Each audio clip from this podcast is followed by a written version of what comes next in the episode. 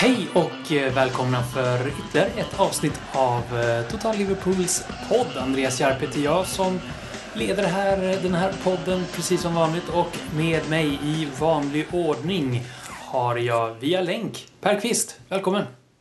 Tack så mycket! Och mitt framför mig Thomas Nygren. Välkommen! Tack så mycket! Det är ett tag sedan vi såg sist.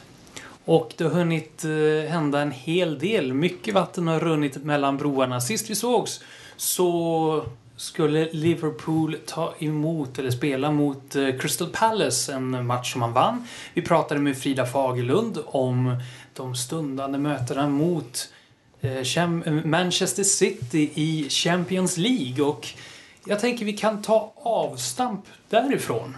Just i Champions League. Det gick ju ganska bra får man väl ändå säga.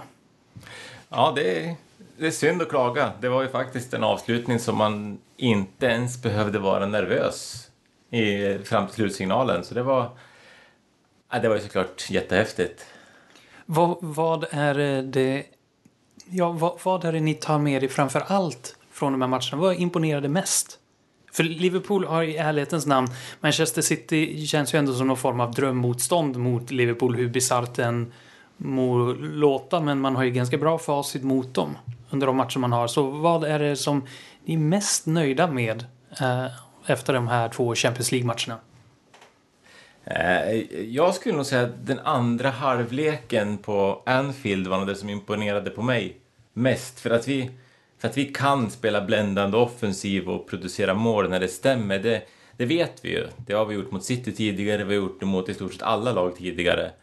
Eh, men att vi kunde gå in till andra halvlek och stänga matchen utan att släppa till ett enda skott på mål, det, det var en ny dimension i, i Liverpools spel som inte jag tycker man har sett tidigare. Vi hade en, en backlinje som var riktigt solid under 45 minuter under hård press.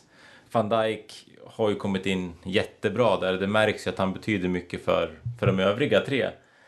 Men eh, Trent Alexander-Arnolds match på Anfield mot City måste man ju se som hans kanske riktigt, riktigt stora genombrott. För jag var orolig för honom inför de här matcherna. Och efter matcherna mot City så har ju han motbevisat min oro rejält. Även om det var en annan typ utav anfall som han ställdes emot mot United, där han fick mycket bollar bakom sig. Nu fick han jobba mycket en mot en mot Sané. Men att göra det så pass bra under så tuffa förhållanden som det här var, det är jätteimponerande av en tonåring som bara har spelat A-lagsfotboll i ett drygt år. Per, vad tar du med dig?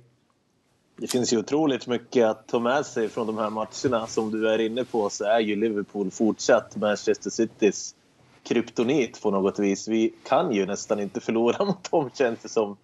Även om vi har gjort det den här säsongen. Men sett över två matcher så känns det som att vi är starkare och vi är bättre. Och de spelar ett spel som passar oss så otroligt bra. Och det är ju just det här enorma pressspelet som Klopp förespråkar som kör över deras bolltrillande så att säga. Men det som man tar med sig mest är just det här som Thomas är inne på. Att det fanns en gameplan också utöver det här enorma pressspelet och det var att försvara.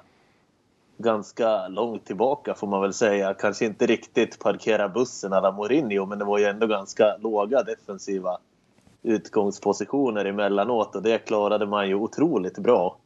Och vi fick ju väldigt många starka besked där. Vi såg ju mittfältare som, som eh, gav understöd perfekt. Vi såg, som du sa, Alexander Arnold som spelade otroligt bra mot Sané och eh, då ska man ju veta att Sané är ju, han håller ju absolut världsklass i en mot en. Och på vänsterbacken som det, det är ju en sån här position som man har ältat hur mycket som helst de senaste åren. Där har ju Robertson verkligen visat att han är the guy, or, or the man, så att säga. Så väldigt, väldigt mycket tar vi med oss. Också att våran offensiva trio kan leverera under press i såna här tuffa slutspelsmatcher i Champions League. Ja, det, det var ju minst sagt lite nervöst där när de gjorde 1-0 efter en och en halv minut i andra matchen City, där kändes det som att fan ska det gå åt helvete ändå. Och sen så var det ganska hård press, de hade ju stolpskott, de hade ett mål som, eh, ja, som man hade kunnat acceptera om det hade gått in, alltså blivit godkänt. Det var ju om vi säger det tveksamt bortdömt så är det ju väldigt enfärgat bedömt. Men eh, när väl andra halvleken kommer igång borta på Etihad så kändes det också som att vi hade liksom, tagit tag i det och fick till ett bättre spel. Det är egentligen bara en halvlek av de här fyra som City är bättre än oss. Så det är ju rättvist att vi går vidare utan tvekan, även om vi hade vi hade ju marginalerna med oss med domsluten, det, det får man ju säga, men jag tycker inte att man kan säga att det var avgörande heller. Utan eh, vi, vi är bättre än City över två matcher. Det tycker jag. Siffrorna visar sig tydliga språk och man kan se det på hur matcherna såg ut. Ja, och sen om man skulle lyfta det och se det på ett annat sätt så skulle väl jag ändå säga att City är ju troligtvis ett bättre lag än Liverpool, men de är en så otroligt liksom, lämplig motståndare för oss. Det passar oss så otroligt bra att möta dem. Jag tror ju att City skulle ha större chanser att slå ut typ Real Madrid än vad Liverpool skulle ha. Så man måste ju säga att eh, Liverpool har haft lite flyt med lottningen här också. Ja, jag tänkte det hade varit annat om vi till exempel hade ställts mot ett Juventus eller liknande som kanske är mer defensivt inriktat än, eh, än vad Manchester City var. Då hade det blivit en helt annan typ av match. Det ser man ju bara skillnaden när vi spelar mot Manchesterlagen. Manchester City är ju mil bättre än Manchester United, men mot Liverpool så är det raka motsatsen. Mot United kommer vi inte alls till, medan vi mot City kan... Eh, ja, jag vet inte hur många mål vi gjort mot dem den här säsongen, men det är ju en helt annan typ av fotboll och det är klart det det är ju lite grann efter hur, hur, det, hur det passar spelstilar och City passar ju uppenbarligen oss bra. Det är ju flera år i rad nu som vi har gjort ganska mycket mål mot dem så det är bara att hoppas att det är en tradition som vi tänker bygga vidare på nästa år. Och hur stort är det, tycker ni nu, att eh, efter många år av frånvaro från Champions League helt plötsligt befinna sig i en semifinal? Jag skulle ju säga att det är otroligt stort. Det är ju inte direkt den naturliga evolutionen eller utvecklingssteget för dagens Liverpool. Det hade ju snarare varit att gå till kvartsfinal till exempel. Medan det för Manchester City hade varit naturligare att gå ännu längre den här säsongen. Men det är ju skönt att Liverpool fortsätter att ha den här vinnarkulturen i Champions League. Och det känns ju verkligen som att när Liverpool spelar de här Champions League-slutspelsmatcherna på Anfield så är det någonting väldigt speciellt som händer. Och eh, jag, jag, tror väl att i alla fall jag som supporter och säkert också spelarna också, de känner liksom att vad som helst är möjligt i den här turneringen och det är ju någonting speciellt för Liverpool. Ja, nej, men det är lite grann samma känsla som det var där 2005 när vi gick hela vägen, som att det spelar liksom inte någon roll riktigt vilka vi ställs emot, utan stämmer det så kan Liverpool slå alla lagen i den här turneringen. Och det, den känslan hade man ju verkligen inte sist vi var med under eh, Brendan Rodgers när vi blev utslagna i gruppspelet. Då, då, klart, då kändes det som att det var roligt att vi var med i Champions League, men det kändes aldrig som att vi var, vi var med på allvar, utan vi var ett av lagen i gruppspelet, men vi var inget lag som de andra pratade om. Den här säsongen är vi både med i Champions League och verkligen ett lag som de andra kan titta på med respekt och det tycker jag känns väldigt skönt. För sist vi var med kändes det verkligen som att vi var, vi var långt ifrån att vara ett Champions League-lag i kvalitet. Vi var det, vi var det bevisligen eftersom vi var med i turneringen, men vi var inte bra nog egentligen för att spela Champions League. Det är vi nu. Eh, jag, jag hade varit nöjd med en åttondelsfinal på förhand. Och att sitta nu och vara nervös för en semifinal som man knappt kan äta dagarna innan, det är ju, det är ju såklart en, en härlig känsla på sitt sätt. Ja, och den här äh, respekten är ju viktig. Alltså Liverpool befäster ju, eller tar ju tillbaka kanske man ska säga, snarare än befäster sin äh, status som en av Europas största klubbar. En stor klubb kan man ju vara, men man har ju per automatik inte ett storlag. Nu är ju Liverpool både en stor klubb och ett storlag helt plötsligt. Och jag skulle väl säga det att äh, om vi kollar på Porto till exempel så var ju min känsla att de kanske inte riktigt respekterade Liverpools fart som de borde ha gjort. Och nu tror jag ju att respekten har gått upp avsevärt ute i Europa för Liverpool. Ja, det har man ju märkt i de här matcherna tycker jag, mot Moskva också, även till viss del mot Maribor, att eh, det går liksom inte att inte ta oss på allvar. När vi var med sist hade vi svårt att slå Ludogorets. Nu mot Maribor, då var det ju bara överkörning från start till mål. Och samma sak i sista matchen mot Moskva.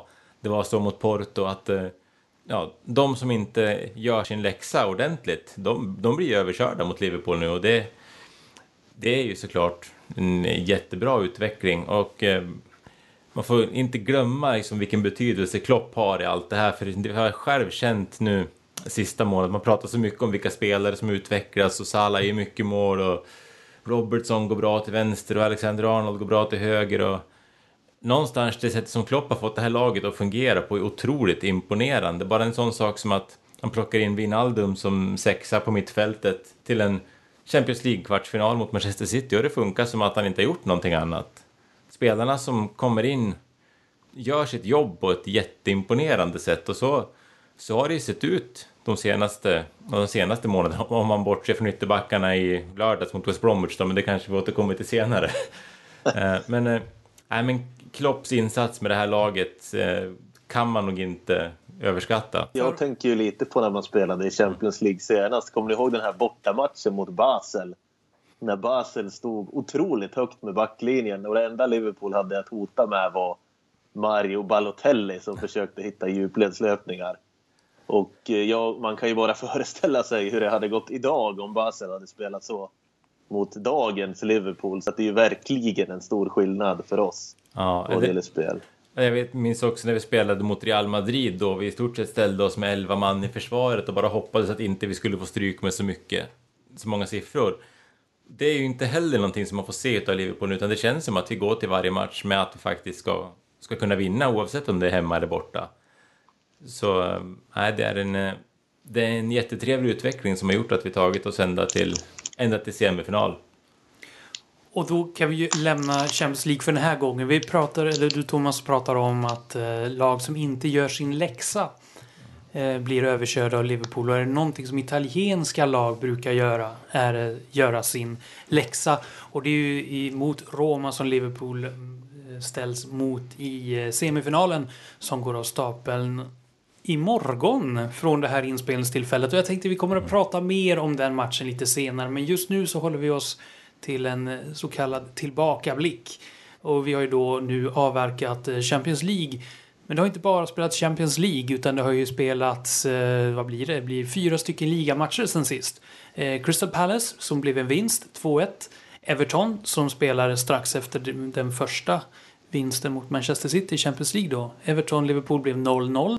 Och sen blev det en 3-0-seger eh, mot Bournemouth.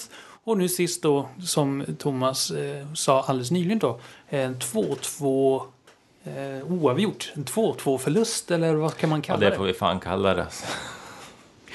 eh, om vi säger den här månaden då. Champions League var väldigt, det var ju klackarna i taket. Hur, hur tycker ni att man har skött sig i ligan?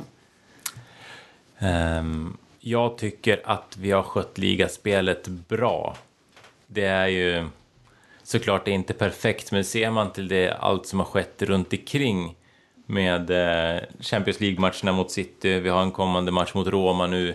Det har roterats en del och alltså, det kan inte vara så att spelarna inte tänker på att de ska spela en Champions League-semifinal nu. Um, vi har uh, vilat spelare, ändå så har vi gått uh, obesegrade ur den här perioden. Det är, det är klart att vi, vi skulle ju såklart ha slagit West Bromwich har man 2-0 med 20 minuter kvar mot ett lag som fan har vunnit en match på ett halvår. Det, det ska ju inte det ska ju inte bli poängtapp där. Men samtidigt så var det lite gamla synder som kom tillbaka. Med ytterbackar som slarvade bort fasta situationer som, som resulterade i baklängesmål. Och på något sätt kanske det var ett eh, tecken på hur pass bra vår ordinarie backlinje är. För det här är ju faktiskt någonting som inte vi sett på ett tag. Så, eh, nej. Äh, det, det, är godkänt. Vi har gått vidare från en tuff kvartsfinal i Champions League och vi har gjort det utan att förlora en match i ligan. Per, vad tycker du? Hur har man skött sig i ligan? Jag skulle väl säga så här att så länge som man kan komma topp fyra så har man gjort ligaspelet bra helhetsmässigt. Nu på slutet har det varit lite tyngre. Man har luftat spelare som, som ju ärligt talat inte hade satt sin fot på planen om man inte hade gått långt i Champions League. Och då ser man ju lite den här bristen på bredden som trots allt fortfarande finns på sina håll och kanter. Men överlag så absolut, det har ju varit bra skulle jag säga. Man ska också komma ihåg att de här bottenlagen är ju alltid liksom svåra att möta nu på slutet när de försöker att kriga sig kvar i ligan. Så jag är nöjd i alla fall. Hur avgjord är ligan egentligen? Liverpool har tre matcher kvar. Eh, övriga topplag har fyra matcher kvar. Liverpool ligger i talande stund så här klockan 17.42 den 23 april 2018 på en eh, tredje plats. Och med 71 poäng bakom sig har man Tottenham som har 68 poäng. Som är på en fjärde plats och Chelsea som är på en femte plats har 63 poäng. Det skiljer alltså 8 poäng, vad blir det? Ja, 8 poäng mellan Champions League-spel och Europacup-spel. Hur spännande är ligan? Eh, jag kommer att vara jättenervös inför matchen mot Stoke på lördag. Eh, dels utifrån att vi spelar Champions League-semifinaler före och efter den här matchen och dels för att om vi skulle förlora mot Stoke så har vi satt oss i en väldigt knepig sits inför bortamatchen mot Chelsea. Men det är klart att jag hade ju tagit det här utgångsläget på förhand. Det hade jag gjort, för det är ju... Champions League-platsen är ju verkligen... Vi, vi ska ju inte kunna förlora den från den situation vi är nu. Tar vi tre poäng mot Stoke, då kommer jag känna att det nog är klart. Men innan dess så kommer jag vara nervös för ligamatcherna också. Per, håller du med? Egentligen inte. Det som jag känner är väl att det är två faktorer som gör att jag känner mig ganska lugn ändå. Det första är det faktum att Liverpool, ja, peppar peppar, inte har några jättetunga skador just nu. Det andra är att jag tycker ärligt talat inte att Chelsea övertygar överhuvudtaget. De lyckas knipa en del uddamålssegrar och sådär nu på slutet men det finns ingen harmoni där och de har in, inte ett fungerande spel på det sättet. Så jag tror inte att de kommer gå rent heller nu på slutet. Och sen ska man väl säga det att målskillnaden talar ju också för Liverpool. Nej, det är klart, jag menar rent krasst så är ju vi bättre än Chelsea och det, det är ju det är en överraskning, eller en chock, om vi inte skulle klara av att ta en topp 4-plats. Men den här, så länge risken finns så, så känner jag mig inte helt, helt trygg. Det beror lite grann på Stokes situation också. De kommer väl behöva vinna mot oss antagligen för att ha någon typ av chans för att hänga kvar. Så de kan ju inte gärna parkera bussen heller. Och eh, de har ju inte direkt imponerat med sitt målgörande den här säsongen. De ligger ju under ett mål per match. Och det är väl fortfarande Peter Crouch som är deras bästa offensiva hot egentligen. Och eh, nu när vi har en riktig mittbacksresa så vore det väl fan om vi ska behöva vara oroliga för alla spelare över 1,90. Um, ehm, så det är klart, det, allt talar ju för att vi ska klara det. Uh, ja, Walters är ju inte kvar i Stoke heller. Så att... Nej, nej det, det slipper vi det där givna baklängesmålet. så ja, men det, det, är klart vi ska, vi ska klara av det. Så är det ju. Men är man pessimist av naturen så ser man ju alltid de här riskerna med alla matcher. Hur skadekänslig är truppen? Den är absolut skadekänslig på vissa positioner. Vi sitter ju här och pratar varje avsnitt om hur mycket van Dijk har lyft försvarsspelet. Så naturligtvis, så det lyftet skulle ju försvinna om han försvann så att säga. Så van Dijk är ju ofantligt viktig. Sen har vi ju framåt tre väldigt vassa offensiva spelare och visst är det så att Salah och Firmino, de är ju fortfarande bra om man är borta till exempel. Men vi har ju ärligt talat inga jättebra bänkalternativ att kasta in till de här tre offensiva superstjärnorna. Särskilt om Oxlade Chamberlain spelar offensiv mittfältare då är ju han redan upptagen på annat håll så att säga. Annars är ju han en ganska bra ersättare till kanterna. Så det är väl mest det att det här offensiva spetsen, den vill man absolut ha kvar. Och van Dijk vill man absolut tack kvar. Och eh, ja, sen måste man väl säga Robertson mycket, del, mycket beroende på att Moreno är ju, och han är ju inte tillräckligt bra helt enkelt. Så att, visst, på sina håll och kanter är den skadekänslig men jag har ändå svårt att tänka mig att Liverpool skulle vara så otroligt mycket mer skadekänsliga än de klubbarna som man konkurrerar med. Ja, nej, men det, det håller jag med fullt ut. Det är ju egentligen bara Manchester City som klarar av att ta skador på nyckelspelare och kasta in spelare som är nästan lika bra. Jag menar, har man en spelare som Salah som är 30 mål i ligan, det är klart att det skulle vara en jättestor nackdel om han gick sönder. Samma sak med med Firmino, vi har ju ingen som är lika bra som honom på allting som han gör så bra. Uh, Van Dijk, jätteviktig i försvaret. Robertson som, som Pelle också är inne på, jag menar, det, det, finns ju några nyckelspelare som vi inte har tillräckligt bra ersättare till, men samtidigt så ser det ju ut för, eh, för alla lag. Ja, Firmino har ju hyllats nu av, eh, Liverpool, från Liverpool-läger och även från medias läger men det är ju förhållandevis ändå tyst av Milner som under, ja, sen han har kommit egentligen har eh, bidragit med exakt det man önskar och mer därtill får man väl ändå säga. Ja, men han är ju den spelartypen som inte ger de här stora rubrikerna. Men eh, man behöver ju dem också. Det är, lite grann så är det så att när han spelar och Liverpool går dåligt så är det ofta han som får kritik för att han inte är tillräckligt kreativ. Men när han spelar och Liverpool är eh, bra, då är det de andra som får beröm. Han, eh, han bidrar med väldigt mycket nyttigt på, på mittfältet, James Milner, som det är lätt att, eh, lätt att glömma bort. Han är också en sån som går in 110% i varje situation och ja, hans bollvinst där innan eh, Oxlade Chamberlains 2-0 mål mot City säger ju det mesta om hur han är som spelare. Där är det många som kanske går in lite halvhjärtat och inte vinner bollen. Men han eh, gick in eh, mer än helhjärtat och såg till att det blev en passning av brytningen. Så ja, det är ytterligare en av spelarna som har höjt sig i år och som, eh, som imponerar. Så ja, sen, jag skulle ju säga det med Milner att han får ju alltid credit för sitt spel utan boll. Men jag tycker egentligen att han är underskattad med bollen också. Han, han är ju en sån här gammaldags spelare som kan slå ett inlägg, bara en sån sak. Det är ju många av de här nya som inte kan det, skulle jag säga, där man mer ska hitta instick. Men Milner har ju en bra inläggsfot. Och han har ju gjort många assist i Champions League. Han, han tar ju det logiska beslutet med bollen kanske inte de mest spektakulära, men han spelar ju logiskt och medspelarna kan förstå hans avsikter. Och han har ofta bra, bättre kontroll än många andra spelare skulle jag säga. Och han har inte de här äh, farliga bolltappen, så jag tycker att han, han är underskattad i spelet med bollen. Ja, nej, jag, jag, jag håller med fullt ut. Han är ju, han är ju jäkligt smart fotbollsspelare, James Milner. Man märker ju att han är som väl skolad. Han har ju varit med länge. Han har väl spelat i Premier League i 15 år, drygt, trots att han inte är så långt över 30. Så um, det är... Uh, nej, han, han får inte riktigt den cred som han förtjänar. Senaste tiden tycker jag att man har börjat läsa mycket positivt om honom också bland fans och sådär. Och det, det är roligt, för det förtjänar han. Sen så Sen så har han ju förärat sociala medier med Twitterkonto de senaste, den senaste månaden också som inte gör att man tycker sämre om honom än tidigare.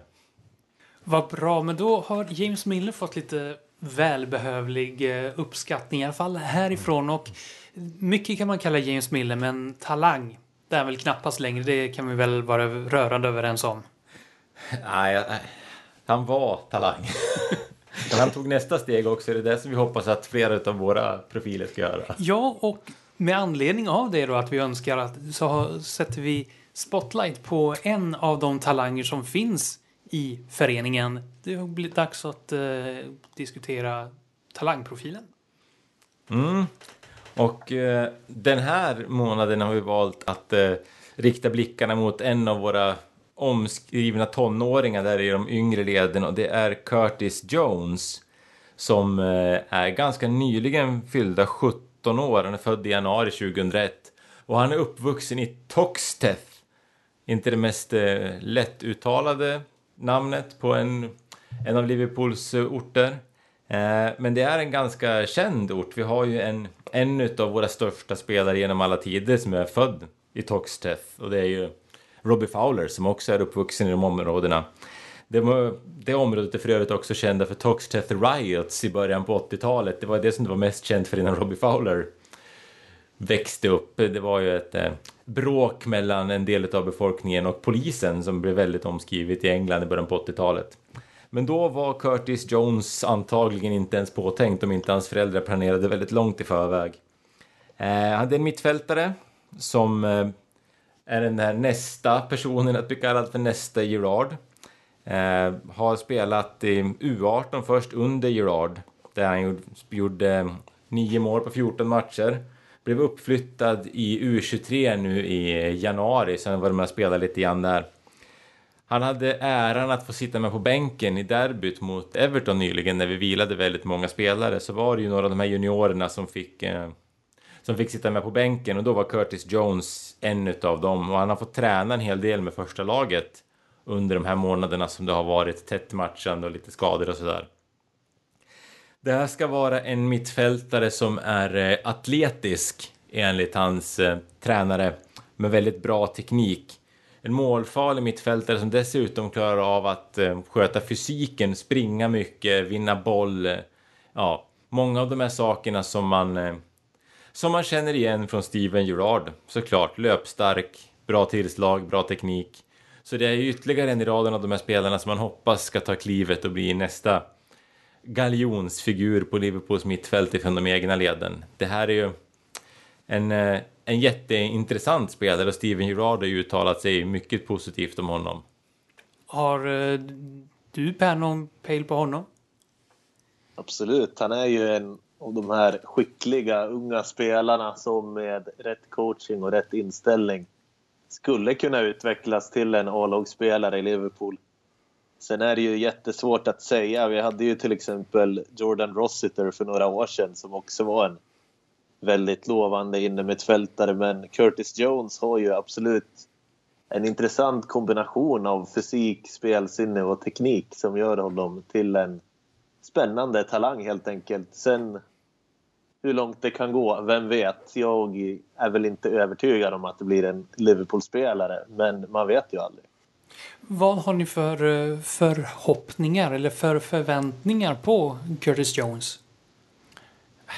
För min del är det lite grann samma som jag känner för eh, alla de här yngre lovande som kommer upp. Att jag hoppas ju såklart att det ska bli en Liverpool-spelare utav honom. Men som det ser ut idag så är det ju vanligare att eh, de här yngre spelarna kommer upp och så får de någon plats i periferin av A-laget och så köper vi in färdiga spelare eller ännu större talanger ifrån Europa.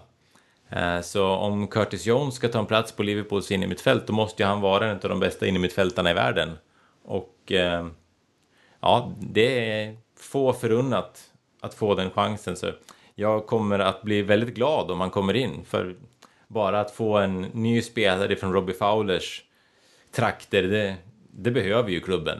Det mår vi bra av att ha mer lokala profiler i laget. Men eh, det är som sagt det, det är ett långt steg för honom där. En intressant faktor här är ju att han coachas ju av Steven Gerrard och spelar ju på ungefär samma, och egentligen samma position där Gerard var som bäst.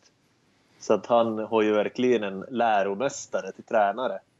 Och det ska ju bli intressant om det får någon slags effekt på utvecklingen bland de unga spelarna. Sen kan ju Gerard inte liksom förvandla kattguld till guld men det ska bli intressant att se om det blir ett lyft i och med hans inträde. Jag har ju svårt att tänka mig att det inte ska innebära ett lyft på träningar, just som inställningen och spelarna och för om de inte ser upp till den tränare de har nu, då vet jag inte vad de ska kunna se upp till för typ av tränare. Och eh, ja, det kanske blir en lånekarusell för Curtis Jones och många andra. Nå, jag tänkte Thomas, mm. kan du ge oss en liten uppdatering på vad, det, vad, vad som har hänt i Liverpools lånekarusell, eh, lånekarusell spelaren. Vi pratade alldeles nyss om Ryan Kento som har fått nöta mycket bänk i Bristol, men han är ju inte mm. den enda utlånade spelaren. Nej, vi har ju några stycken som är ute på lån och eh, jag har hållit på lite grann med, med det här sista dagarna och försöka få lite respons på hur de sköter sig, våra utlånade spelare. Vi har ju bland annat Harry Wilson som gör det otroligt bra i, i Hall. Så eh, där är man ju väldigt imponerad av hans eh, sätt att spela. Jag tror han är uppe i sju mål nu på de tio matcherna han har spelat. Han gjorde ju bland annat två mål i deras galna 5-5 match i, i helgen, så han gör det väldigt bra. Eh, Marko Grujic har inte fått spela lika mycket senaste tiden och det ska tydligen bero på att en av deras skadade nyckelmittfältare som har kommit tillbaka. Men där har jag varit i kontakt med Oliver Cassidy, en eh, inbiten Cardiff-supporter som säger att de flesta i supporterkretsarna vill få in Grujic igen för att han är så pass trygg med bollen. Så där är det de som jag har varit i kontakt med helt övertygade om att Grujic ska kunna ha en chans att spela för Liverpool nästa säsong. Speciellt om Emre Can försvinner och det inte kommer in så många, så många nya. Så både, både Harry Wilson och Marko Grujic har ju verkligen dragit nytta av att vara ute på lån. Ja. Det som är otroligt intressant med Wilson är att han producerar ju mål och assist. Han har ju på 11 matcher gjort 11 poäng, 7 plus 4 och det, det tycker jag är det mest intressanta med honom. För vi ser ju ofta såna här yttermittfältare. Snabba, tekniska, skapar massor, bränner massor. Men här har vi ju verkligen en spelare som har end product och gör både mål och assist. Så det är ett stort, stort plus för honom skulle jag säga. Ja, och det är ju det är liksom på en, på en bra nivå också, för det är ändå, Championship är ju svårt. Och att komma in som så pass ung och göra så bra ifrån sig där, det är många av dem som vi lånar ut som, som blir som med Ryan Kent, att de gör tre, fyra matcher där de ser pigg ut. Men lagen får inte ut någonting av dem och då bänkas de istället för spelare som kanske kan göra poäng lite enklare. Ehm, men Harry Wilson har ju visat att han, han är ju tillräckligt bra för att göra mycket mål i Championship. Och då kan det ju faktiskt finnas en utvecklingspotential som gör att han kommer kunna göra mål i Premier League också. Och eh, med eh, Harry Wilson och Marco Grujic då att de har lyckats på lån så kanske det hindrar och att eh, eller det kanske dämpar lite det transfersurr som börjar komma nu så sakta nu när säsongen börjar ta slut och det har börjat som sagt var droppa in ett par namn. Jag tänkte att Ja, vi kan väl ta, ta upp den här tråden som vi hade tidigare under säsongen, nämligen transferprofilen. Per, har du koll på någon så här transferprofil? Ja, dagens transferprofil hittar vi i Italien. Som vi ju gillar att värva spelare ifrån med Sala färskt i minnet. Den här gången handlar det om Napolis mittfältare Jorginho. Många känner ju säkert till Jorginho och han är ju en spelare som numera har blivit 26 år gammal och som jagades av Liverpool redan när han spelade i sin förra klubb Verona. Och nu är ryktena igång igen. De mest pålitliga Liverpool-rapportörerna uppger att det här är en spelare som är högintressant för Jürgen Klopp att få in på mittfältet. Och då undrar man ju förstås om man inte vet, en del kanske vet, vad är det här för spelare? Han är en sittande mittfältare, alltså en defensiv mittfältare främst. Som är otroligt spelskicklig. Han är väldigt duktig passningsspelare. Både längre passningar och kortare passningar. Jorginho är också en väldigt smart spelare som täcker av ytor på ett föredömligt sätt och läser spelet. Så han är helt enkelt en väldigt bra speluppbyggare på det defensiva mittfältet. Och han skulle absolut inte bli billig på något sätt. Han är ju motorn i Napolis spel och han skulle gå på en sådär runda slängar 40, kanske 50 miljoner pund. Så Jorginho är dagens transferprofil. Låter lite som en kopia av eh, Xabi Alonso. Absolut. På ett sätt så är de ganska lika. Jag tycker väl att han är lite mer lik typ Ruben Neves i Wolverhampton. För Alonso var ju så pass långsam att han behövde ju kompletteras med ganska särskilda spelare runt sig liksom på grund av hans långsamhet. Men absolut så finns det vissa likheter där och eh, vi har ju också spelare på vårt mittfält som skulle kunna komplettera en sån spelare på ett bra sätt. Och eh, vi ska väl också säga det att den här Jorginho är ju född i Brasilien men nu för tiden representerar han Italien på landslagsnivå. Han har ett italienskt pass förstås och det innebär ju att han skulle få arbetstillstånd utan vidare i Storbritannien. Hur, eh, hur bra värvning skulle Jorginho vara? Vi har ju suttit här och ältat att Liverpool har haft problem på innermittfältet, särskilt i andra halvlekar lite och i speluppbyggnaden där man behöver få in mer spelskicklighet och kunna kontrollera matcherna på ett bättre sätt. Och Jorginho är ju absolut en spelare som skulle höja lagets bollinnehav, känner jag. Han skulle vara en jättebra spelare för Liverpool att få in. Man skulle få mer kvalitet i speluppbyggnaden, man skulle få bättre långa passningar eh, mot de snabba spelarna som man har i det offensiva spelet. Och man skulle också få in en smart spelare och han skulle ju komplettera en sån som Jordan Henderson eller James Milner på ett jättebra sätt. de är ju fysiska praktexemplar som ja, på, på sådana här Cooper-test så är det väl omöjligt att slå liksom James Milner och Jordan Henderson. De skulle väl kunna springa i flera dygn. Men en sån här spelskicklig spelare som Jorginho, han skulle vara väldigt, väldigt bra att få in tror jag. Ja, jag är ju knappt sett honom. Jag är ju så pass eh, enformig att jag kollar bara på Premier League i stort sett. Eh, men eh, däremot så var jag i Wolverhampton och såg Ruben Neves tidigare den här säsongen och där blev jag väldigt imponerad. Det märktes ju att han var en spelare som var ja, tre, fyra nivåer över mittfältarna i Sunderland som Wolverhampton mötte just då. Um, och det har varit lite rykten där också sista veckorna som jag har sett. Vem, vem skulle du ha som första val där Per om du fick välja Ruben Neves eller Jorginho? Alltså, jo, det har ju absolut varit lite rykten om Ruben Neves. Det som jag känner är väl att Jorginho, han är ju en otroligt etablerad spelare också. Han är, jag gillar hans ålder. Han är ju 26 år. Och Liverpool har ju ett ganska oerfaret lag i medelålder eh, den yngsta startelvan i Premier League den här säsongen. Och Ruben Neves är ju bara 21 och jag känner väl att han är lite mera ofärdig så att säga än Jorginho som är en otroligt färdig spelare. Och för mig i just det här läget, att det här är ju enligt mitt tycke i alla fall en akilleshäl i laget. Vi behöver ju få in någon som kan gå in och tillföra direkt. Så med, med tanke på de omständigheterna så hade jag valt Jorginho. Mm. För det känns som spel, eh, alltså den typen av spelare är ju någonting som vi behöver just för att eh, passningstempot på mittfältet, någon som kan styra spelet. Det, det har vi ju inte riktigt idag. Jag tyckte man kunde se tendenser utav Vinaldum när han var nere och spelade som sexa där att där finns det ju bra passningsfot och liksom bra tempo i. Men han är ju alldeles, alldeles för ojämn och faller ju ur matcherna för ofta. Men ehm, ja, det låter ju jätteintressant att det är just den här typen av spelare som Klopp är ute efter. För det, det är ju ett tecken på att han, eh, han vill förbättra samma saker som vi supportrar sitter och är missnöjda med.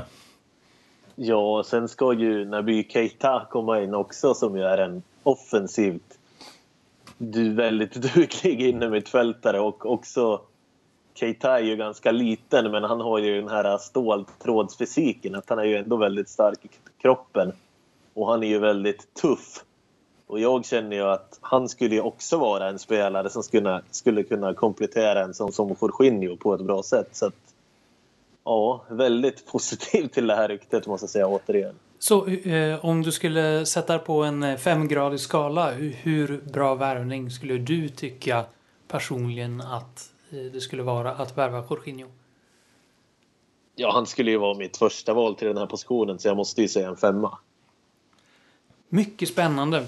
Och vi kommer att prata betydligt mer transfers lite längre fram. Eh, kommer att göras när säsongen är över och det verkligen kommer att regna förmodligen potentiella transferrykten i media när, när Champions League är till ända och så vidare. Och med det sagt så börjar vi titta framåt. Det är tre matcher kvar av ligan. Eh, det är mot eh, Stoke, det är mot eh, Chelsea och slutligen mot Brighton. Vi kan väl hasta igenom dem lite snabbt. Hur spännande är det? Ja, som jag sa tidigare, jag tycker fortfarande att det är jättespännande. Jag skulle väldigt, väldigt gärna se att vi vinner mot Stoke och då kommer jag känna mig relativt trygg. Per? Jag har hybris nu eftersom vi är i semifinal i Champions League så att det här klarar vi självklart i ligan. Eh, så att vi, vi kan ju lämna ligan. Vi, vi, eh, bara be en tippning. Eh, när 38 matcher spelade kommer Liverpool att vara ett Champions League-lag nästa säsong? Oh, men det är väl det är klart. Det, blir, det är ju inte klart, men det är väl klart att man tror det så att mm. säga. Tycker jag i alla fall. Ja, alltså jag, tror, jag tror ju att vi kommer klara det också. Sen, sen så beror det ju mycket på... Säg att vi slår Stoke. Då är det ju lite grann beroende på hur Chelsea sköter sitt jobb på vägen också. Men eh, min eh, förhoppning är ju att inte jag ska behöva kolla på sista omgången och vara nervös. Men ni är ändå försiktigt positiva. Det låter jättekonstigt, men försiktigt positiva då till en fjärdeplats. Och då ägnar vi lite mer tid åt Eh, Champions League-semin med eh, den första matchen går av stapeln imorgon, tisdag den 24 april klockan 20.45 då Liverpool spelar mot italienska Roma. Eh, en drömlottning enligt vissa. Håller ni med? Sett till alternativen så är det ju det laget som är, som jag tror är lättast. Sen, sen är ju det här med drömlottning relativt. Det är ju tre jättebra lag kvar. Men om man får välja mellan Bayern München, Real Madrid och Roma så då, då tar jag ju gärna Roma. Det är det ju inget snack om. Jag tycker det är väldigt svårt att säga med det här Liverpool för vi satt ju och pratade innan om att det är lättare för oss att spöa Manchester City än Manchester United nu för tiden. Så att vad är egentligen en drömlottning med det här laget? Det verkar ju som att när man möter lag som är skickliga och har stor ambition i bollinnehavet så bär ju pressspelet större frukt så att säga. Men eh, jag tycker ändå det är en drömlottning på alla sätt och vis för att fin, finns det något finare än Rom? Alltså staden Rom är ju underbar och Rom är ju ett skönt lag så att det är ju liksom drömmatcher, absolut. Hur tror ni det kommer se ut då? Det känns ju som att det kommer bli ganska öppet, för som jag har förstått så ska Roma också vara ett ganska så som intensivt lag med, med mycket pressspel och farlig offensiv och ja, jag, jag har inte sett dem jättemycket. Jag såg avslutningen mot Barcelona främst för att jag njuter av att se Barcelona åka ut. Um, och eh, det var ju en imponerande insats, absolut, som de stod för då. Så um, jag tror att det kommer att bli ungefär som vi sett de senaste tiderna var viktiga matcher. Det kommer säkert bli ganska målrikt. Det kommer att vara spännande och um, ja, jag hoppas att vi kan ta en stabil seger imorgon så att vi har något mål att gå på när vi kommer ner till Rom. Roma är ju ett väldigt ojämnt lag som svårbedömda hur de kommer att lyckas prestera så att säga i matcherna. Men jag tror ju att de kommer vara livrädda för Liverpools fart och backa hem en hel del. Och där har de ju Tjecko att slå längre, högre bollar mot. Så jag tror att de kommer försöka spela ett sånt ja, ganska enkelt spel eh, som brukar kunna vara effektivt mot Liverpool som jag ser det så vore det väldigt konstigt om de försökte spela på något annat sätt med tanke på deras material. Att de har just Tjecko till exempel och slår de här högre, längre bollarna mot. Ja, han är väl en mardrömsanfallare för Liverpool. Du pratade tidigare om han faller över 1,90 Thomas och mm. Tjecko är ju en sådan anfallare. Jag är inte exakt är inte medveten om huruvida han är kortare eller längre än 1,90 men han är för, vad jag förmodar den typen av spelare du menar. Ja, absolut. Eh, och där känns det ju väldigt tryggt med van Dijk tycker jag, för eh, han är ju en sån typ av mittback som eh, klarar av de här typerna av de här motståndarna. Det har vi märkt nu sista månaden när det kommer luft. De här högre bollarna mot Liverpools backlinje, de tar ju han faktiskt undan.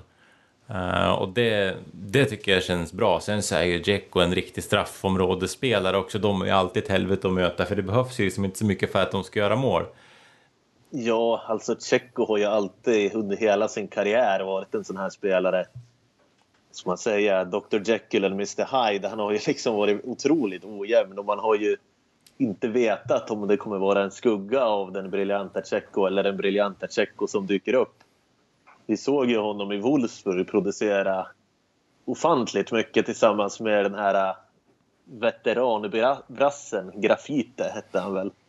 Och de var ju otroligt dominanta i Bundesliga och han var ju aktuell för Liverpool där lite grann innan han flyttade till Manchester City.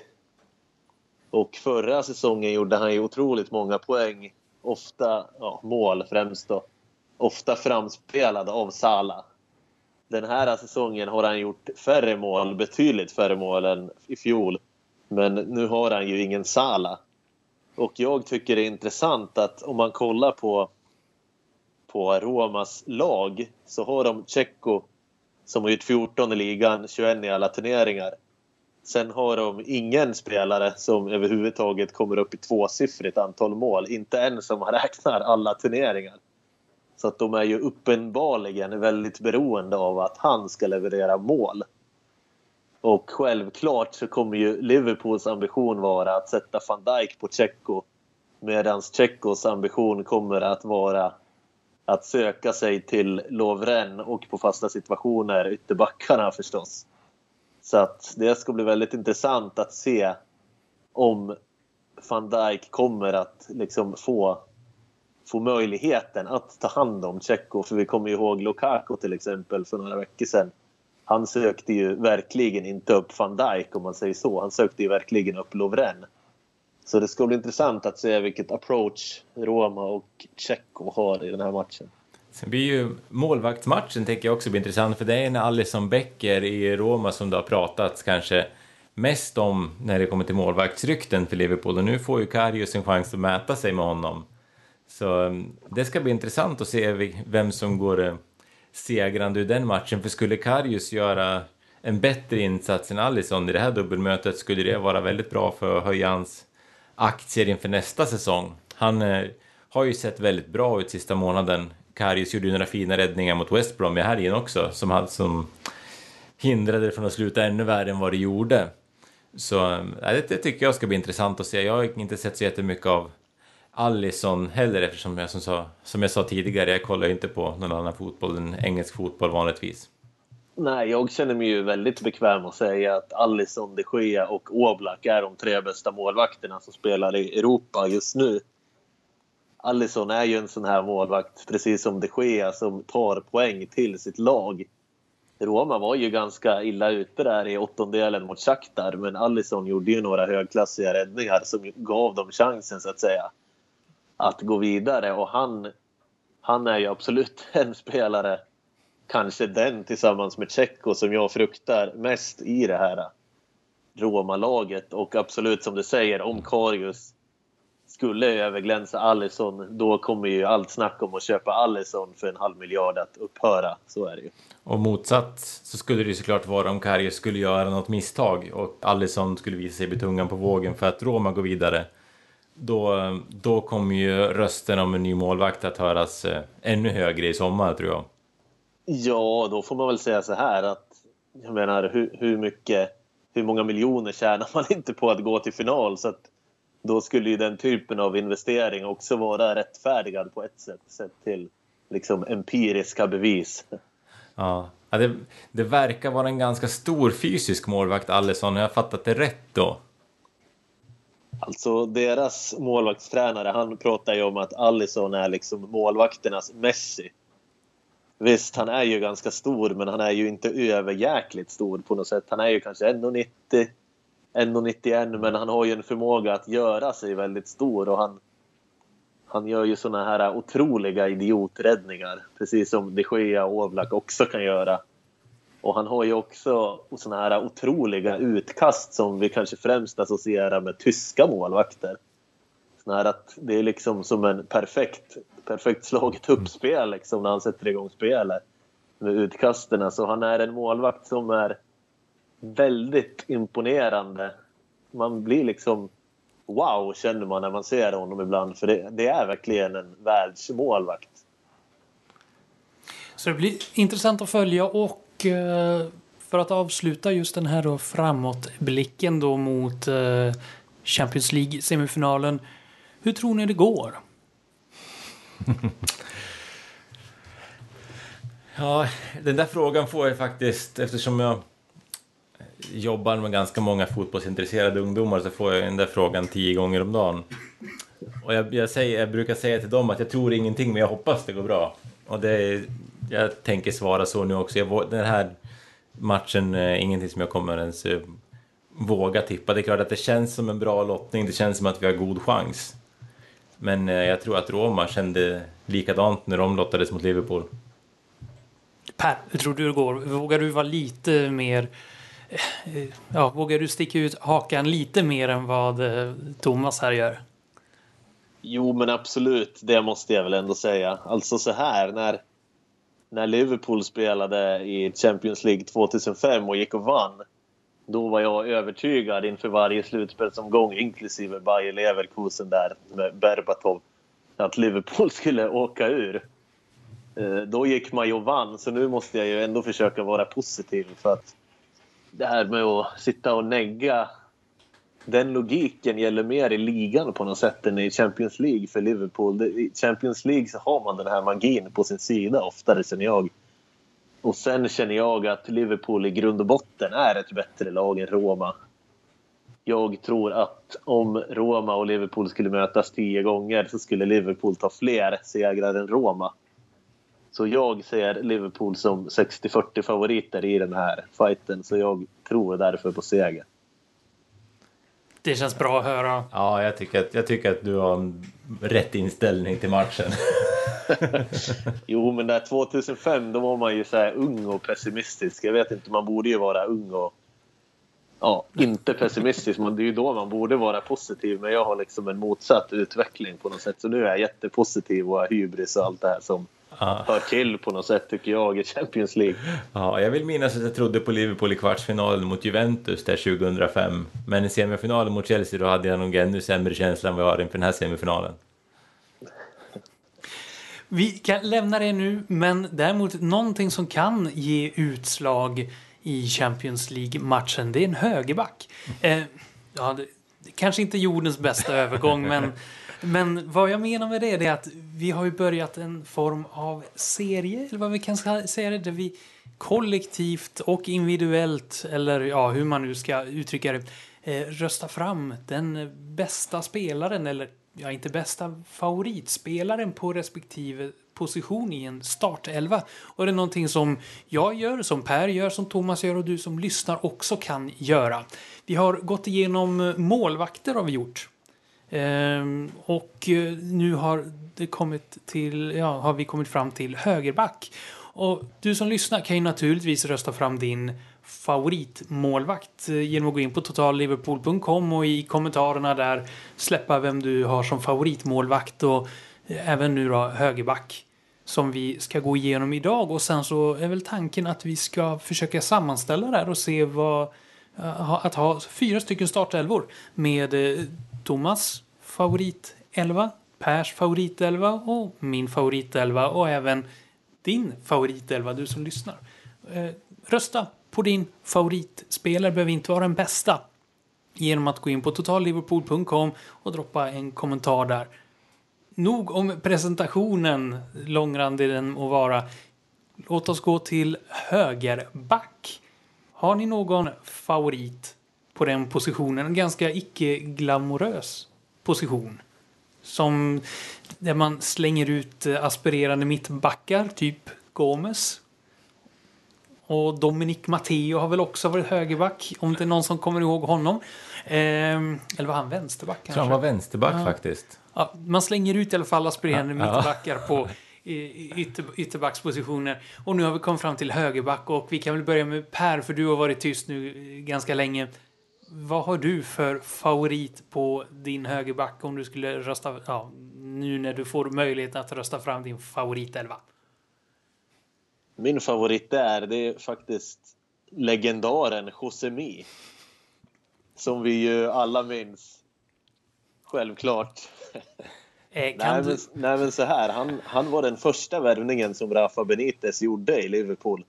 Så han, hur märkligt det än kan tyckas vara, var ju startskottet för den här spanska invasionen eller vad man ska säga till Liverpool. Och han köptes ju för 2 miljoner pund som man tyckte var ett fyndpris då men som kanske verkade vara ett överpris i efterhand. Från Malaga. Och han var ju främst högerback men kunde ju även spela mittback. Så om man vill ha lite mångsidiga spelare så är ju min rekommendation att rösta på Josemi. Och han var ju han var ju lite speciell för att det var ju svårt att hitta någonting som han var bra på överhuvudtaget tyckte jag. Och det är ju fascinerande att en sån kille kan spela i Premier League och komma till Liverpool. Vad han gjorde i Malaga för att förtjäna det här Liverpool-kontraktet, det kan man ju verkligen undra. För senare i sin karriär nådde han ju inga större höjder, men på något vis tycker jag ändå att han är värd den här platsen. Och han, eh, ska man ju också säga, han fick ju chansen där att spela högerback i Liverpools Steve eh, Finnen Finnan var ju petad där ett tag. Men sen hade ju José, Josemi gjorde ju bort sig ett antal gånger så han... Ja, Finnan kom ju tillbaka och var Mr Reliable igen. så att säga. Men eh, ja, startskottet för Rafa Benites spanska värvningar, Josemi, är mitt val. Josemi kändes ju annars mer som en högerback för allsvenskan, tänker jag så här i efterhand. Han var ganska, så här, ganska fysisk, men han var inte, så, inte speciellt bra med bollen, inte speciellt snabb. Men när man placerar den här spelaren som kanske inte är bra på någonting ute på kanten där han ger minst skada. Ja, det skulle ju vara väldigt intressant att läsa scoutrapporterna som Benitez fick från scouterna. Jag hade ju faktiskt förmånen att se Josemi i Malaga en hel del gånger för jag bodde faktiskt i Malaga under en tid när Josemi spelade där. Eh, och eh, han var faktiskt... Jag, jag hade nog inte kunnat skriva en scoutrapport om honom för att jag tänkte inte på ens att han spelade. Mycket spännande eh, uttagning där och påminner lite om min också som min uttagning på högerback som är eh, Rob Jones. Eh, en högerback som var inledningen när jag började få upp ögonen för Liverpool. Jag har aldrig sett honom spela, men jag hörde rykten om att han var fantastiskt bra. Att det var en eh, engelsk landslagsman, väldigt skicklig högerback, men han var ju skadad hela tiden. Så ja, det är egentligen, han är på min topplista som högerback enbart för en from förhoppning att någon gång få se, se honom spela. Det har jag inte fått göra. Rob Jones, alltså min högerback. Jag hoppas att eh, din Thomas är lite mindre anonym och spelat några fler matcher. Um, min högerback är ju en sån här högerback som du nämnde i början. En sån här spelare som egentligen är mittback och som blir, eh, som blir placerad ute på till eh, höger eller vänster för att, ja, för att de ska få speltid. Och jag har ju alltid varit svag för de här spelarna med lokal förankring. De här som kommer fram och som man läser om att det här ska nog kunna bli nästa storspelare. Och det här är ju ett, ett sånt exempel. För min, min högerback är Martin Kelly. Som vi idag kan se i, i Crystal Palace. För jag minns när han, eh, när han slog igenom så var han spelade en Champions League-match. Jag vill minnas att det var mot Lyon. Där han var briljant i 75 minuter. Och sen skadade han sig och fick gå ut. Och sen efter det så tänkte jag alltid att bara Martin Kelly blir frisk så kommer vi att ha en riktigt bra spelare där. Eh, det gick till och med så långt så att min, eh, min kamrat som jag alltid åker till Liverpool tillsammans med köpte en Martin Kelly matchtröja för att han var, också var lika övertygad som jag om att här har vi något stort på gång. Men eh, det blev liksom aldrig någonting av Martin Kelly. Det såg, eh, det såg spännande ut ibland men det var ju också det här eh, träbenssyndromet som man kan se på brittiska mittbackar. Ville mycket men kunde inte riktigt lika mycket som man ville. Eh, jag, jag minns en gång han kom tillbaka från, från sommarträningen. Det såg ut som att han bara hade kört bänkpress hela sommaren och såg ut som en riktig bjässe där bak. Men det var ju inte så att hans fotbollsspelande blev bättre utav det. Ehm, jag hoppades på Martin Kelly länge. Jag tror att jag höll fast vid tron på honom eh, ja, längre än eh, de flesta för att jag så gärna ville att han skulle lyckas. Men eh, nu får jag nöja mig med att bli nöjd över att se honom spela i, i Crystal Palace. Så han, får ju, han har i alla fall fått en bra Premier League-karriär men i min, i min bok så är han med som högerback i startelvan. Och med dem... Ja, vi, har, vi, har, ju fått in ett förslag från, ja. på hemsidan också när vi nämnde ju det här i avsnittet när Frida Fagerlund var med och pratade om City-matchen och då kom eh, Kingpin som är en eh, flitig kommenterare ska man säga på, på Total Liverpool-hemsidan föreslog ju Steve Finnan som, eh, som högerback i en sån här elva och eh, det måste man säga att om man ska gå rent, rent och skärt på klass så är det väl kanske så hade nog kanske jag också valt, eh, valt Steve Finnan. Ja, det finns inte så mycket invända där. Apropå Mr Reliable så har man väl honom där som du sa Per. Och precis som Kingpin så kan ju du som lyssnar skicka in dina förslag på högerbackar och även målvakter och varför inte det som vi ska titta på nästa gång vi hörs, nämligen ja, vi har tagit högerbackar idag. Vi går på andra sidan. Helt och hållet andra sidan, alltså vänsterbackar. Där har vi en där finns en, det kvalitet. En flora av vänsterbackar. Vem kommer inte ihåg? Ja, vi har pratat om Dominik Matteo som hastigast. Stig-Inge Björneby har ju varit där och Jan-Arne Riese för att ta en landsman. Det finns ju en flora av mitt, äh, vänsterbackar. Moreno för att ta ett aktuellt exempel om man har honom som favorit för att det är favoriter som det handlar om, inte de bästa. Och är du ett fan av någon vänsterback, högerback eller målvakt? Gå in på totalliverpool.com och sen så droppa ett meddelande i kommentatorsfälten. Och med det sagt så kanske någon av, eh, av de här, de här eh, vänsterbackarna någon gång dyker upp på en eh, framtida topp 5-lista. Men idag har jag en känsla av att det inte finns en enda vänsterback på den här avslutande topp 5-listan. Ja, nej, här hittar vi inga vänsterbackar. För eh, den här gången kommer vi att lista de eh, fem bästa nummer niorna i, eh, under 2000-talet. Och eh, det är ju en grundregel i fotboll att nummer nio, då kan du inte spela vänsterback utan då ska du spela i anfallet. Och det gör eh, alla de som är med på den här listan. Eh, jag ska säga på förhand att det, toppplaceringarna här var ganska enkelt. Men att hitta någon som jag kunde sätta på den femte platsen, det var en utmaning. Så jag skickade ut den här frågan på, på Twitter för att kolla om jag kunde få lite respons. Och där fick både Robin Bylund ifrån LFC-podden och eh, pingisproffset Hampus Norberg svarade med lite med lite respons som hjälpte mig på vägen. Eh, jag kan väl bara rabbla upp de namnen som inte fick plats. Så får vi se om det är någon som ryggar tillbaka. Eh, men jag är inte med Andy Carroll. Jag är inte med Christian Benteke. Jag är inte med Ricky Lambert. Jag är inte med Iago Aspas. Och jag är inte med El Hadji Diouf. Det är ju nummer nio som eh, på olika sätt har eh, misslyckats ganska rejält under sin tid i, i Liverpool. Eh, på femte plats i alla fall, om vi nu ska gå in på listan, eh, har jag en spelare som vi aldrig ägde utan bara hade på, på lån. Och det är Nicolas Anelka som var i Liverpool under en halv säsong 2002. Där han spelade 20 matcher, gjorde fyra mål. Och det var väl egentligen inte något succélån det där heller. Alltså jag minns att jag var inte speciellt imponerad av honom när han var i Liverpool. Men eh, det hade ju kunnat blivit någonting bra utav det här om vi hade om vi hade valt att köpa loss Anelka istället för att köpa Diouf så hade vi förhoppningsvis kunnat haft en spelare som eh, producerade mål istället för eh, spottloskor. Ehm, för Anelka blev ju en väldigt bra spelare både för Bolton och eh, City och eh, Chelsea efter han hade varit hos oss. Så det var lite synd att vi släppte iväg Anelka men jag tycker ändå att hans, eh, hans prestation var mindre dålig än de som hamnade utanför.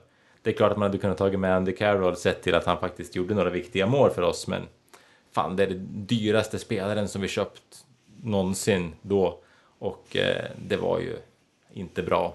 Nåväl, han, ja. han är inte på listan utan han var utanför och ja. på plats nummer fem hittade vi Nicolas Anelka och, mm. och då hittar vi på plats nummer fyra. Ja, på plats nummer fyra hittar vi en spelare som skulle ha varit mycket, mycket högre upp om eh, vi hade gått från 90-talet och framåt, men nu var det 2000 och framåt. Så på fjärde plats är Robbie Fowler. Han eh, spelade ju så en kort session i början på 2000-talet och sen så var han, kom han tillbaka en period eh, några år senare. Så hans bästa tid var ju inte under 2000-talet.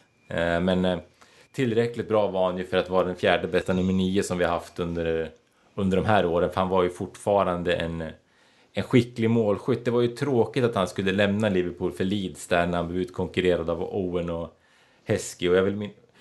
Eh, men Fowler är fyra i alla fall. Eh, tredje plats har vi eh, Djibril Cissé som kom till Liverpool 2004. Och det var ju en riktig profilvärvning när han kom. Jag vill minnas att han gjorde mål redan i sin eh, debut i i Premier League. Men han hade ju också den här oförmågan att vara frisk. Han lyckades ju bryta benet två gånger under sin korta tid i Liverpool, så han var ju otursförföljd. Och det var tråkigt, för det var ju en jätteintressant spelare när han kom. Snabb, stark, bra skott. Kanske lite korkade spelförståelsen, men han var ju en perfekt spelare att ha högst upp i plan. Uh, var ju med och uh, vann Champions League-finalen 2005. Uh, ehm, spelade högerytter i några omgångar så han fick väl inte riktigt rätt position i Liverpool någon gång. Uh, och han spelar faktiskt fotboll fortfarande, Gibril Cissé.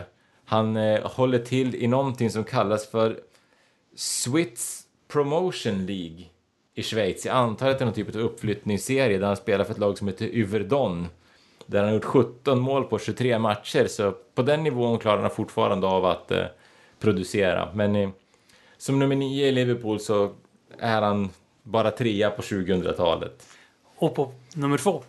Ja, den som är plats nummer två tror jag inte att det är omöjligt att han kommer vara på plats nummer ett innan hans Liverpool-karriär är över. För det är våran nuvarande nummer nio, eh, Roberto Firmino, som har växt något enormt under den här säsongen. Är en, en av de mest mångsidiga anfallarna jag har sett spela i Liverpool.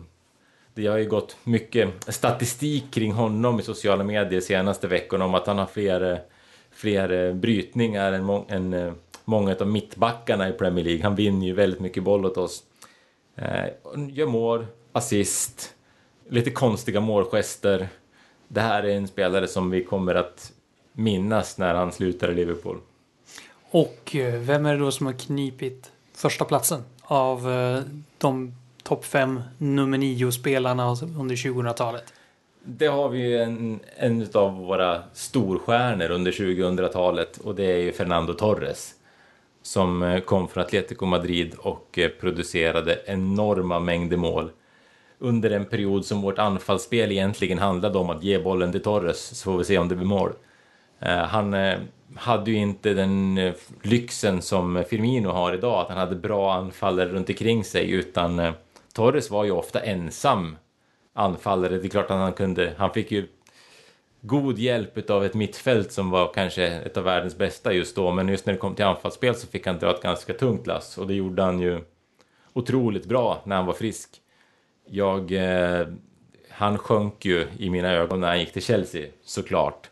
Men som fotbollsspelare så är han den bästa nummer nio som vi har haft under 2000-talet tycker jag.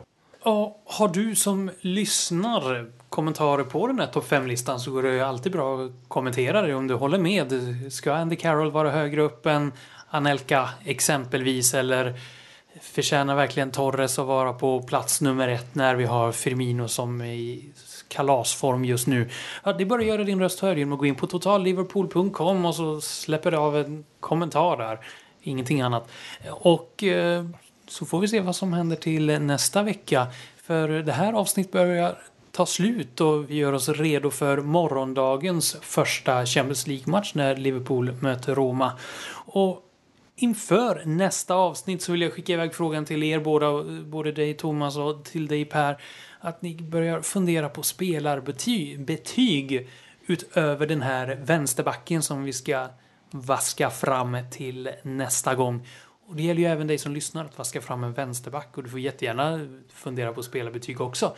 Men framförallt Thomas Nygren och Per Kvist, spelarbetyg till nästa, nästa avsnitt som blir om en månad ungefär. När ligan är slut och vi kan blicka tillbaka på någonting. På en Champions League-vinst. Självklart. Tack så jättemycket Thomas Nygren och Per Kvist för att ni var med idag också. Tack så mycket. Och, Tack själv. Och så hörs vi igen. Jag heter Andreas Järpe och hoppas att du som lyssnar får en fantastisk tid tills vi hörs igen. Ha det så gott. Hej då!